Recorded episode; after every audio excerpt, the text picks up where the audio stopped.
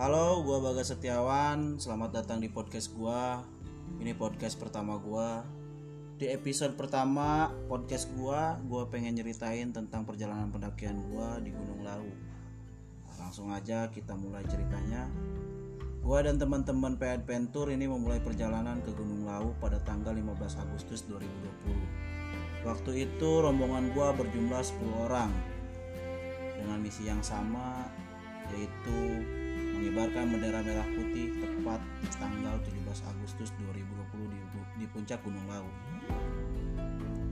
Gua dan tim gua mulai perjalanan menggunakan transportasi darat yaitu bus. Waktu itu gua memulai start di Terminal Poris pada jam 8 pagi dengan tujuan Terminal Karangpandan, Jawa Tengah. Selama perjalanan yang gua tempuh itu sekitar 11 sampai 12 jam menuju Tengah. Sebenarnya perjalanan menuju Terminal Karangpandan atau base camp Pia Candi Ceto ini bisa lebih cepat jika kita menggunakan kendaraan pribadi karena kalau menggunakan kendaraan pribadi ini bisa kita tempuh dengan jarak waktu sekitar 8 jam. Kenapa bisa eh, jarak waktu yang gue tempuh menggunakan kendaraan umum ini sampai 11 sampai 12 jam? Karena yang menggunakan transportasi bus yang gue gunain ini yang gue naikin ini nggak cuma gue doang nggak cuma rombongan gue doang. Banyak eh, orang-orang lain juga kan yang menggunakan kendaraan ini. Di sini kebetulan terminal yang gua tuju terminal Karangpandan yang gua tuju ini memang terminal pemberhentian terakhir eh, dari PO bus yang gua naikin ini buat temen-temen ini saran dari gua kalau emang mau naik gunung Lau Pihak Candi Cetok gua saranin eh, lu yang dari Jakarta atau teman-teman yang dari Jakarta atau Tangerang bisa turun di Terminal Karangpandan karena kenapa? Karang eh, Terminal Karangpandan ini terdekat dengan eh, base camp Pihak Candi Cetok dibandingkan dengan teman-teman atau kalian turun di Terminal Tirto Nadi. Kalau kalian atau teman-teman turun di Terminal Tirto Nadi menuju base camp itu eh, lumayan jauh, dua kali lipat dibandingkan kita turun di Terminal Karangpandan. Singkat cerita pada jam 7 malam gua dan rombongan akhirnya sampai di Terminal Karangpandan, eh, Jawa Tengah. Gua dan rombongan bersirahat terlebih dahulu lalu melanjutkan perjalanan menuju ke base camp Candi Ceto dengan menggunakan kendaraan mikrobus. Kendaraan mikrobus yang gua gunain dari Karang Terminal Karangpandan menuju base camp ini berkisaran harga waktu itu 25.000 per orang. 25.000 per orang ya. Mikrobus ini berkapasitas sekitar 15 orang. Jadi rombongan gua 10 orang eh, cukup leluasa lah untuk rombongan gua karena ada space kursi yang kosong. Sesampainya eh, gua di base camp Pia Candi Ceto itu sekitar jam setengah sembilan malam lah sekitar setengah eh, setengah sembilan lah karena gua eh, perjalanan dari Terminal Karangpandan menuju base camp ini memang lumayan jalurnya sangat curam ya. Ditambah di sini gua terhalang eh, hujan yang deras dan kabut yang mulai turun di perjalanan itu. Perjalanannya cukup mencekam lah karena kiri kanan jurang dan jarak pandang si supir pun sangat terbatas karena eh, yang tadi si kabut itu mulai turun. Sesampainya gua di base camp, gua dan rombongan langsung beristirahat di base campnya Lesugi. Nah, base camp Lesugi ini sudah lumayan cukup terkenal bagi pendaki Gunung Lau via Candi Ceto. Karena beberapa hari yang lalu sebelumnya gua naik ini eh, Pirsa Bersari pun sama beristirahat di base campnya Lesugi. Jadi udah tidak asing kalau Lesugi di sana ya. Nah, sesampainya gue di base camp Lesugi, gue dan rombongan beristirahat, makan dan mandi bersih bersih beres-beres yang lainnya. Gua mulai tidur mulai beristirahat itu sekitar jam setengah sebelas setengah sebelas malam ya. Gua tidur nah di sini ada sedikit kejadian yang bikin gua eh, sempet bikin gua khawatir dengan keadaan teman gua. Posisinya gua dan rombongan tidur. Mulai tidur jam setengah sebelas malam. Pada jam setengah dua malam terjadi kejadian teman gua yang bernama Adan terbangun dari tidurnya eh, dalam keadaan menggigil. Dia mulai kedinginan di sini. Nah karena posisi si Adan tidurnya di samping persis gua di sini gua ter, eh, spontan bangun karena ngelihat eh, si posisi Adan ini kedinginan menggigil badannya menyentuh badan gue jadi gue langsung bangun. Nah gue langsung tersadar langsung bangun dan ini satip langsung membuatkan air hangat untuk menghangatkan tubuhnya. Nah setelah gue bikinin air hangat dan alhamdulillah keadaannya mulai membaik eh, si Adan pun gue suruh ganti baju. Karena memang posisinya dia menggigil di base camp ini karena memang dia nggak ganti baju. Jadi di perjalanan gue dari terminal Karang Pandan menuju base camp ini kan memang diguyur hujan kan nah mungkin posisi baju dia sedikit agak basah dan dia nggak ganti malah langsung tidur. Nah jadi ini wawasan buat teman-teman kalau memang mendaki gunung mau di base camp atau mau kalian sudah ada di sunrise camp kalau baju yang kalian pakai itu basah lebih baik kita langsung ganti untuk tidur. Karena memang kalau kita tidur itu membutuhkan baju yang kering. Khawatir terjadi seperti teman gue yang alami ini. Singkat cerita akhirnya teman gue bisa beristirahat kembali setelah dia ganti baju dan mengeluarkan sleeping bag untuk tidur. Pada pukul 5 subuh jam 5 subuh tepatnya tanggal 16 Agustus 2020 gue bangun dan gue bangunin anak-anak. Yang lain juga gue bangunin supaya persiapan untuk packing ulang barang-barang yang mau kita bawa sarapan lalu sholat subuh dan lain-lainnya. Setelah selesai kita packing sholat subuh selesai tinggal persiapan kita berangkat untuk mulai trek. Gua sempat bertemu dengan ketua adat yang ada di sana. Jadi kebetulan sebelum berangkat pas gua ke toilet buang air kecil gua ketemu sama ketua adat yang ada di daerah tersebut di daerah Candi Cetok. Nah ketua adat ini ketua adat agama Hindu. Gue di sini sempat ngobrol-ngobrol dulu sempat e, berbincang dulu dengan ketua adat ini.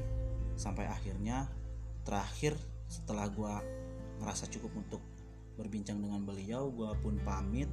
Gue meminta doa kepada beliau supaya gue diberikan keselamatan dengan rombongan supaya bisa kembali dengan selamat dan lengkap.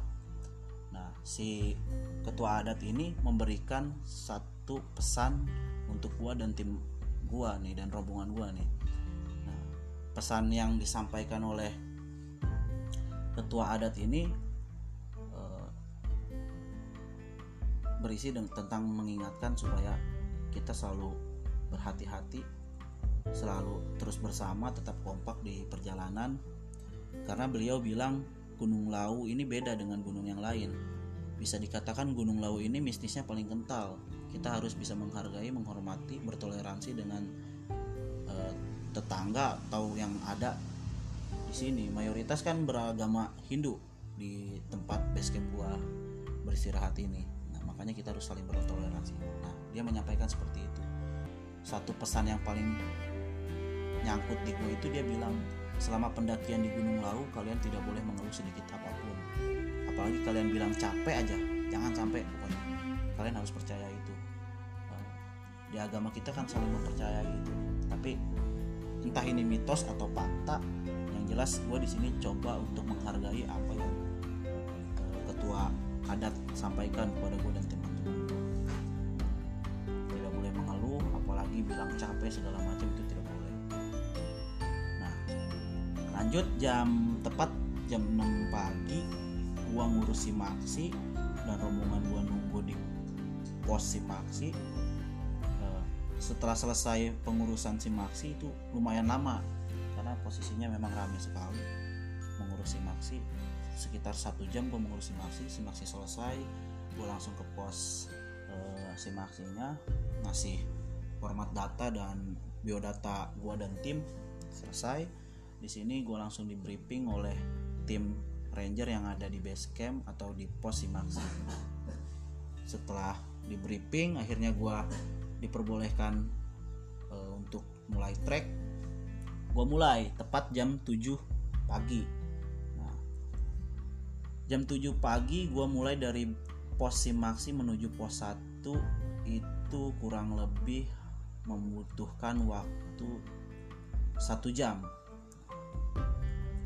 di perjalanan menuju pos 1 ini kita bisa melihat cagar budaya berupa candi peninggalan kerajaan Brawijaya. Di sini banyak-banyak candi semacam candi cetek dan lain-lain. Sekitar satu jam kita sampai pos 1 dengan trek yang uh, didominasi landai dan tanjakan yang sedang. Kita sampailah di pos 1 dengan jarak tempuh yang tadi gua bilang satu jam. Setelah kita sampai kita beristirahat sejenak. Di sini rombongan gua dan teman-teman gua masih sama-sama uh, kompak ya masih sama-sama kompak. Belum ada jarak dia di trek belum ada jarak dengan satu yang lainnya. Gua masih bareng-bareng bahkan istirahat pun bareng-bareng. Ketika nyampe pos 1 kita datang ke pos 1 pun dengan bareng-bareng. Nah setelah gua rasa istirahat cukup gua melanjutkan perjalanan menuju ke pos 2 perjalanan menuju pos 2 ini kurang lebih menempuh jarak waktu 2 jam. Jalur menuju pos 2 ini masih didominasi landai namun tanjakan menuju pos 2 ini lebih terjal dibandingkan di pos 1. Di sini jarak gua dan rombongan gua mulai terpecah, mulai e, mulai renggang. Entah karena apa, gue juga bingung karena memang posisinya di sini kita tidak boleh mengeluh, kita ingat pesannya ketua adat yang sebelum kita berangkat kita mulai renggang posisinya tapi tidak tidak sejauh uh, di pos 4 eh di pos 3 ke pos 4 nanti gue ceritain setelah ini. Gue ceritain dari pos 1 ke pos 2 dulu. Semuanya nanti gue ceritain. Udah mulai renggang tapi masih masih dalam uh, jarak atau pandangan yang masih bisa kita lihat.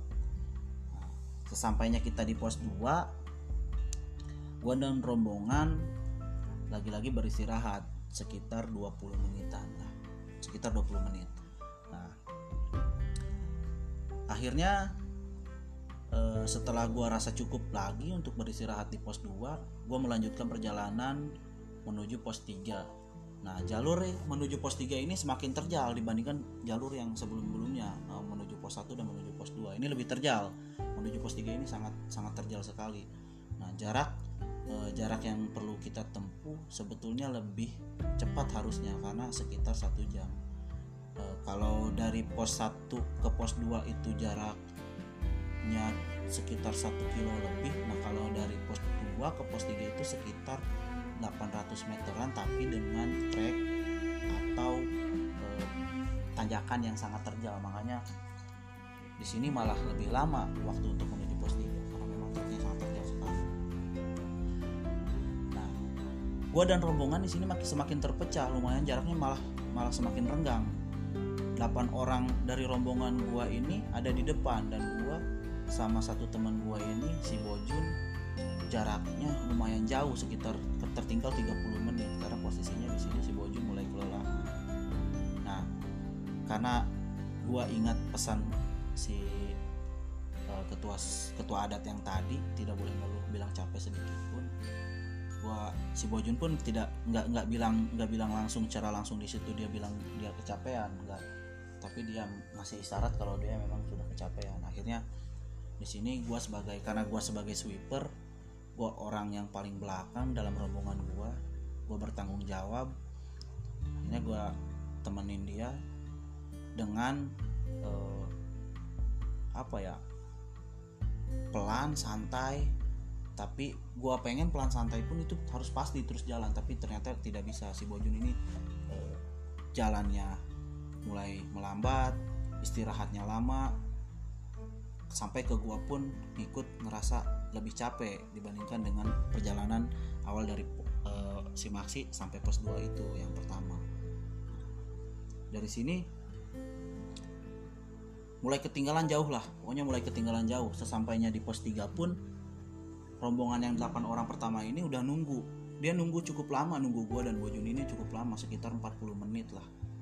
Gue baru datang ke pos 3 nah mereka nanya kenapa aku lama banget? Akhirnya gue ceritain tanpa gue bilang gue si Bojon itu ngerasa capek atau kenapa? Tapi gue ngasih isyarat ke anak-anak dan anak-anak pun mengerti akhirnya. Di pos 3 ini gue sempet masak dulu karena posisinya jam 12 siang. Eh, di samping gue masak anak-anak sebagian langsung sholat gue juga ganti-gantian sholat masak selesai gue sholat yang lain siap nungguin gue tinggal makan makan siang dulu makan siang selesai. Nah di pos 3 ini ada sumber air. Nah, sumber air satu-satunya di musim kemarau. Kalau kita naik gunung via Candi Ceto karena sebenarnya naik e, trek gunung Lau via Candi Ceto ini di pos 5 terdapat sumber air juga. Namun musim kemarau itu kering. Ya tidak ada di pos 5 makanya di pos 3 e, pos air e, sumber air yang ada. Makanya gua dan anak-anak mengisi perbekalan air di pos 3 karena beberapa botol kosong yang gue bawa akhirnya diisi anak-anak pun ngisi sama. Di sini beban keril dan beban bebawaan anak-anak juga bertambah berat karena kita setelah istirahat cukup ibadah cukup makan pun selesai gue dan teman-teman melanjutkan perjalanan uh, dari pos 3 ke pos 4 perjalanan dari pos 3 ke pos 4 ini lumayan lumayan jauh ya lumayan lumayan menguras tenaga dan lumayan menguras waktu juga. Nah, perjalanan menuju pos 4 ini sekitar satu jam setengah. Posisi uh, trek atau keadaan trek sama masih sama terjalnya dengan dari sama dengan terjalnya dengan pos 2 ke pos 3 masih trek terjal uh, tanjakannya juga sangat terjal Nah di sini tidak beda jauh. Gua dan Bojon tertinggal lagi. Lagi-lagi gua di belakang paling belakang. Nah, teman gua yang 8 orang ini duluan. Sampai di pertengahan pos eh, perjalanan pertengahan pos dari pos 3 ke pos 4 ini gua nunggu Bojun karena posisinya Bojun tertinggal sama gua. Di sini gua nunggu sendiri si Bojun. Dia lah sangat lama sekali. Gue juga lumayan lama nunggu sekitar 15 sampai 20 menit lah nunggu Bojun datang dia istirahat sejenak. Gue ngerti dia pasti capek akhirnya gue suruh istirahat dulu gue suruh minum dulu. Di sini gue berinisiatif untuk membawakan keril dia dari pertengahan pos 2 eh pos 3 ke pos 4 ini gue bawa dua keril sampai ke pos 4 lumayan nih di pertengahan pos 3 ke pos 4 ini juga waktu jarak tempuhnya sekitar eh, 40 menit 45 menit lah menuju pos 4 dengan trek yang terjal sekali. Nanjaknya juga bukan main sangat terjal. Setelah gue bawain carriernya gue berharap si Bojun ini bisa semakin cepat jalannya. Gue fokus dong. Gue ngerasa ketika setar dari pertengahan ini dengan Bojun masih sama-sama kelihat lah dia si Bojun ada di belakang gue bahkan gue suruh si Bojun itu di depan. Ketika dia jalan gue gua, ngikutin belakang dengan bawa dua kerilnya. Gue ngikutin baru beberapa menit atau beberapa meter dia beristirahat. Sebentar istirahatnya tidak tidak duduk ya dia masih beristirahat berdiri mengatur nafas nah gue di belakangnya gue bilang ayo Jun semangat kita mulai lagi perjalanan. Ayo santai aja nggak apa-apa. Dan dia bilang ayo duluan nggak apa-apa gas lu kan bawa dua keril gue di belakang lu. Nah ya udah. Gue rasa gue gue gue berpikiran oh dia udah. Pasti dia ngikutin di belakang gue akhirnya gue jalan tanpa ngeliat ngeliat tanpa nengok ke belakang gue jalan. Sekitar ada 30 menit gue jalan. Akhirnya gue ngomong Jun istirahat dulu. Setelah gue nengok ke belakang ternyata si Bojun nggak ada. Di sini gue bingung waduh si Bojun ngilang lagi aja. Akhirnya gue tunggu tungguin dia sambil istirahat.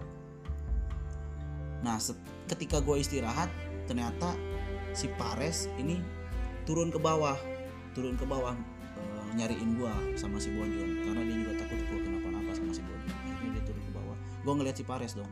Otomatis gua manggil Pares Pares nyamperin gua karena Pares ngeliat gua bawa dua carry akhirnya Pares ngambil carry si Bonjon nah di sini e, sebelum pos 4 sekitar e, 10 sampai 15 menit lagi menuju pos 4 si Bojo, e, si Pares Adan dan Gepeng nungguin gua nih. Dia ngambil carry-nya Bojo dulu taruhlah di tempat istirahatnya Gepeng sama si Adan sama si Pares. Gue juga sampai di situ akhirnya gue nunggu Bojun juga.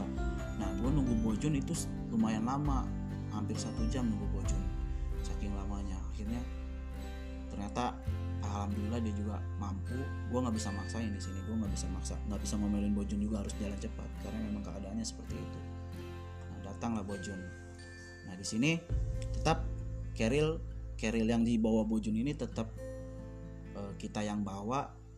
Tapi karena posisi gue udah mulai capek udah mulai kelelahan bawa dua keril gue gantian dengan Pares. Akhirnya Pares yang bawa dua keril.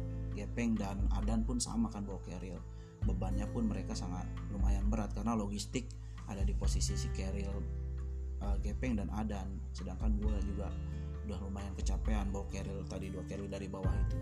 Bojun masih sama masih nggak bawa apa-apa. Cuma bawa tas kecil ransel biasa barang-barang pribadi kayak HP dan lain-lain. Dengan harapan gue gue harap dia bisa ngikutin kita dengan jalan santai kita jalan lah menuju ke pos 5 15 menit lagi ke pos 5 ke, ke pos 4 sorry ke pos 4 kita sampai di pos 4 lagi-lagi Bojun tertinggal. Di sini waktu semakin sore waktu semakin sore uh, cuaca juga kadang-kadang berubah kadang gelap kadang kabut turun kadang mau gerimis ntar terang lagi kadang ada suhu dingin kadang kita kepanasan kadang dingin lagi. Karena memang Gunung Lawu ini susah banget ditebak suhunya apalagi cuacanya susah banget ditebak sampai kita di pos 4 nunggu Bojun dan Bojun nggak lama datang juga ada juga dia Bojun sampai di pos 4 nah di sini gue istirahat dulu di pos 4 formasinya masih sama lima orang perta lima orang di rombongan depan ini dia duluan. Karena memang ketika beristirahat di pos 3 gue sempat ngasih saran uh, ngasih masukan ke anak-anak tolong lima orang atau beberapa orang push untuk sampai ke pos 5 ke pos 5 untuk mendirikan tenda. Dia gue suruh duluan karena memang posisinya udah tidak memungkinkan. Kalau misalkan 10 orang kita tetap bareng-bareng di belakang atau ngikutin Bojun jalannya Bojun dengan sedikit lambat gitu kan pelan-pelan pelan-pelan kita nggak bakalan bisa ngediriin tenda sore hari. Pasti kita bisa kemalaman di trek. Akhirnya gue suruh lima orang duluan untuk mendirikan tenda di atas rombongan yang lima singkat cerita rombongan yang lima ini mungkin sudah sampai di pos 5 atau sunrise camp tempat gua ngecampnya itu sekitar jam setengah enam menurut cerita temen gua ya dia mereka bilang gua udah ngediriin tenda sekitar setengah enam maghrib lah mau mau ke maghrib sedangkan posisinya setengah enam ini gue masih ada di track ya masih ada di track dengan si Bojun, Pares, Gepeng dan Adan. Nah, posisinya masih ada di track antara pos 4 ke pos 5. Beberapa menit mulai track dari pos 4 ke pos 5 ini baru sekitar menempuh jarak berapa ya? Sekitar 200 sampai 300 meter lah Bojun lagi-lagi kelelahan kita bisa gua dan teman-teman bisa ngeliat dari raut wajahnya dia kelelahan sekali akhirnya gua berinisiatif untuk beristirahat kembali nah di sini karena posisi prem ada di kerilnya Adan dan anak-anak posisinya. Tendanya di posisi di rombongan pertama ya lima orang akhirnya gue suruh Adan untuk duluan. Dia untuk ngepus sendiri. Tapi memang trek kondisi trek waktu itu rame jadi nggak nggak cuma rombongan gua. Memang ketika itu banyak banget yang pengen 17 Agustusan di puncak Gunung Lawu. Akhirnya kan nggak terlalu sepi. Jadi mistisnya di Gunung Lawu itu sedikit uh, sedikit apa ya tidak terasa lah sedikit tidak terasa karena banyak sekali rombongan-rombongan yang lain yang sama ingin melakukan atau upacara 17 Agustus di puncak Gunung Lawu akhirnya Adan duluan gue nunggu Bojun lagi di belakang kan Bojun Pares tinggal tersisa gua empat orang Pares gua eh, Gepeng dan Rojo dari pos 4 ke pos 5 ini akhirnya gua sampai sebelum pos 5 ini sebetulnya ada eh, ladang sabana padang sabana ya sabana. Sabananya ini cukup luas. Nah di sini pendaki-pendaki semuanya mendirikan tenda di sini ngecamp di sini. Karena posisinya di pos 5 Eh, dari dari dari Padang Sabana ke pos 5 ini juga cukup lumayan jauh ya. Sekitar memakan waktu saat, uh, kurang lebih 45 menitan lagi untuk menuju ke sana. Karena masih ada dua kali nanjak lagi yang lumayan terjal tanjakannya karena mungkin gua dan Bojun serta Paris dan Gepeng mulai kelelahan akhirnya gue sampai di Padang Sabana. Alhamdulillah gue ngerasa udah aman banget nih sampai Padang Sabana. Gue nyari lah rombongan gue yang pertama yang enam orang ini sampai si Adan yang nyusul ini kan. Gue cari mana nih tendanya. Uh, eh, gue muter nih muterin Sabana yang ada. Seluas itu gue puterin. Gue cari anak-anak yang duluan sampai tiga kali puteran gue muterin Padang Sabana itu nggak ketemu tendanya. Gue bingung.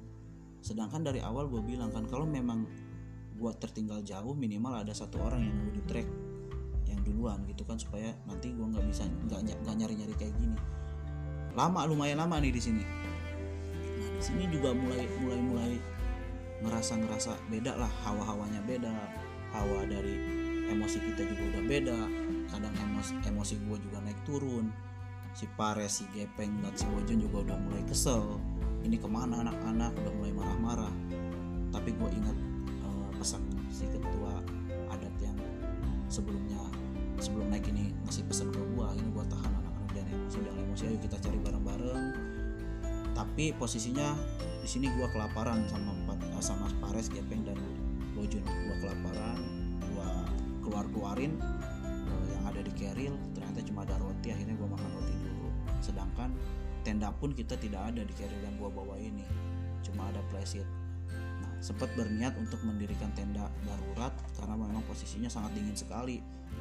Uh, ketika di Sabang Saban di Padang Sabana ini lagi ada badai badai angin yang lumayan kenceng. Akhirnya badan gua pun dan Pares, Gepeng sama Bojun pun sama kedinginan. Gue ngeluarin jaket kita pakai tutup semua pokoknya kita siapin sarung tangan segala macam kita pakai karena memang posisinya kedinginan. Sampai gua numpang di tenda uh, orang untuk beristirahat dulu. Nah ketika Bojun, Pares dan Gepeng beristirahat gua berinisiatif untuk mencari tenda rombongan gua yang yang duluan ini. Gue nyari satu kali lagi puteran gue nyari sendiri. Dan memang lagi-lagi nggak ketemu. Gue berinis akhirnya balik lagi gue ke Pares Bojun dan Gepeng. Gue balik lagi gue bilang nggak ketemu. Nah, sampai anak-anak bilang akhirnya anak-anak mulai marah-marah lagi mulai meningkat lagi emosinya. Gue tahan-tahan dulu gue tahan lagi gue tenangin lagi. Coba dong jangan egois kata gue ya gue di sini langsung ngajak lagi ayo kita bareng-bareng lagi yuk cari berempat. Sampai akhirnya gue nyari lagi hampir mau ke trek turun ke pos 4 hampir mau mau turun tuh jadi posisinya sebelum masuk ke eh, padang sabana gue nyari ke situ lagi takut kelewat karena gue nyari ke situ tetap nggak ketemu.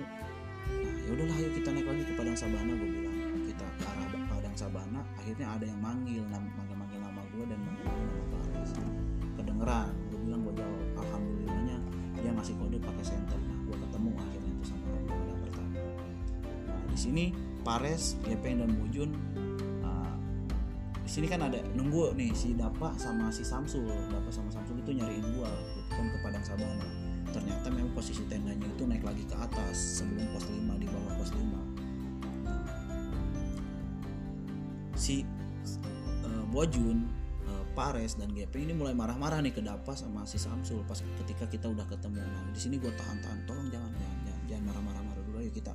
kita sampai dulu aja ke tenda kita istirahat dulu di tenda. Karena posisinya kita juga udah lapar banget. Akhirnya buat tenangin anak-anak. Udah jangan saling menyalahkan. Ayo kita bareng-bareng aja ke tenda. Akhirnya ke tenda. Sesampainya di tenda Bojun karena memang posisinya udah kelelahan banget dia langsung tidur langsung istirahat. Gue suruh tidur. Udah istirahat dulu aja silahkan istirahat. Nah di sini gue berharap udah ada makanan kan ketika gue nyampe. Karena memang posisinya lumayan lama gue nyampe tenda itu dibandingkan dengan rombongan yang pertama. Ternyata memang uh, anak-anak juga emang kelelahan rombongan pertama juga kelelahan belum sempat masak. Beres-beres uh, tenda juga lumayan cukup lama mereka. Nah di sini gue nggak mau egois akhirnya gue masak. Gue masak untuk anak-anak gue baru datang gue langsung masak. Ketika masak jadi semua yang gue masak udah mateng. Gue bangunin anak-anak yang udah tidur gue bangunin gue ajak makan dulu kita makan bareng-bareng makan malam dulu setelah makan akhirnya karena mereka mudah kelelahan mereka langsung tidur kembali. Nah di sini gue belum bisa tidur. Entah apa yang gue pikirin waktu itu nggak tahu lah. Pokoknya gue nggak bisa tidur aja pikiran gue ke mana-mana di situ. Gue nggak bisa tidur gue ngopi di luar di depan tenda gue ngopi sambil ngeliatin uh, bintang-bintang. Parah sih gue ngerasa itu gue deket banget sama bintang. Deket banget pokoknya sama bintang. Kelihatan banget bintang jelas banget gitu kan kalau di atas gunung bintang si Pares sama si Adan keluar nemenin gue ngobrol lah kita di situ sampai sekitar jam setengah 12 akhirnya cuaca makin dingin gue juga udah ngerasa kedinginan ayolah kita masuk kita tidur akhirnya gue tidur. Nah mungkin ceritanya gue skip dulu sampai sini uh, karena masih panjang ceritanya belum uh, cerita dari summit attack-nya terus sampai puncaknya sampai upacara 17 Agustusnya sampai kita nanti kita lanjut di episode berikutnya. Ini episode pertama dulu. Nanti gue sambung di episode kedua. Semoga teman-teman suka semoga teman-teman juga bisa mengambil hal-hal positif yang gue ceritain ini. Semoga cerita yang gue alamin ini bisa menginspirasi kalian. Jadi apalagi khususnya untuk pemula. Semua persiapan dari mulai segi alat-alat pribadi alat-alat kelompok segala macam itu harus memadai. Jangan sampai kita naik gunung uh, dengan peralatan seadanya. Gue harap itu tidak terjadi seperti hal-hal yang sudah terjadi di Gunung Lawu ya. Jadi kita harus harus safety peralatan kita oke? Terima kasih teman-teman sudah mau dengerin podcast gua. Jadi nanti gua sambung podcast gua ini di episode kedua ya. Nanti gua ceritain tentang uh, nanti dicerita di episode kedua ini gue ceritain untuk summit attack ke puncak dari puncak turun lagi ke sunrise camp dari sunrise camp menuju turun ke base camp. Nanti gue ceritain di episode kedua ya. Terima kasih teman-teman. Sekali lagi salam lestari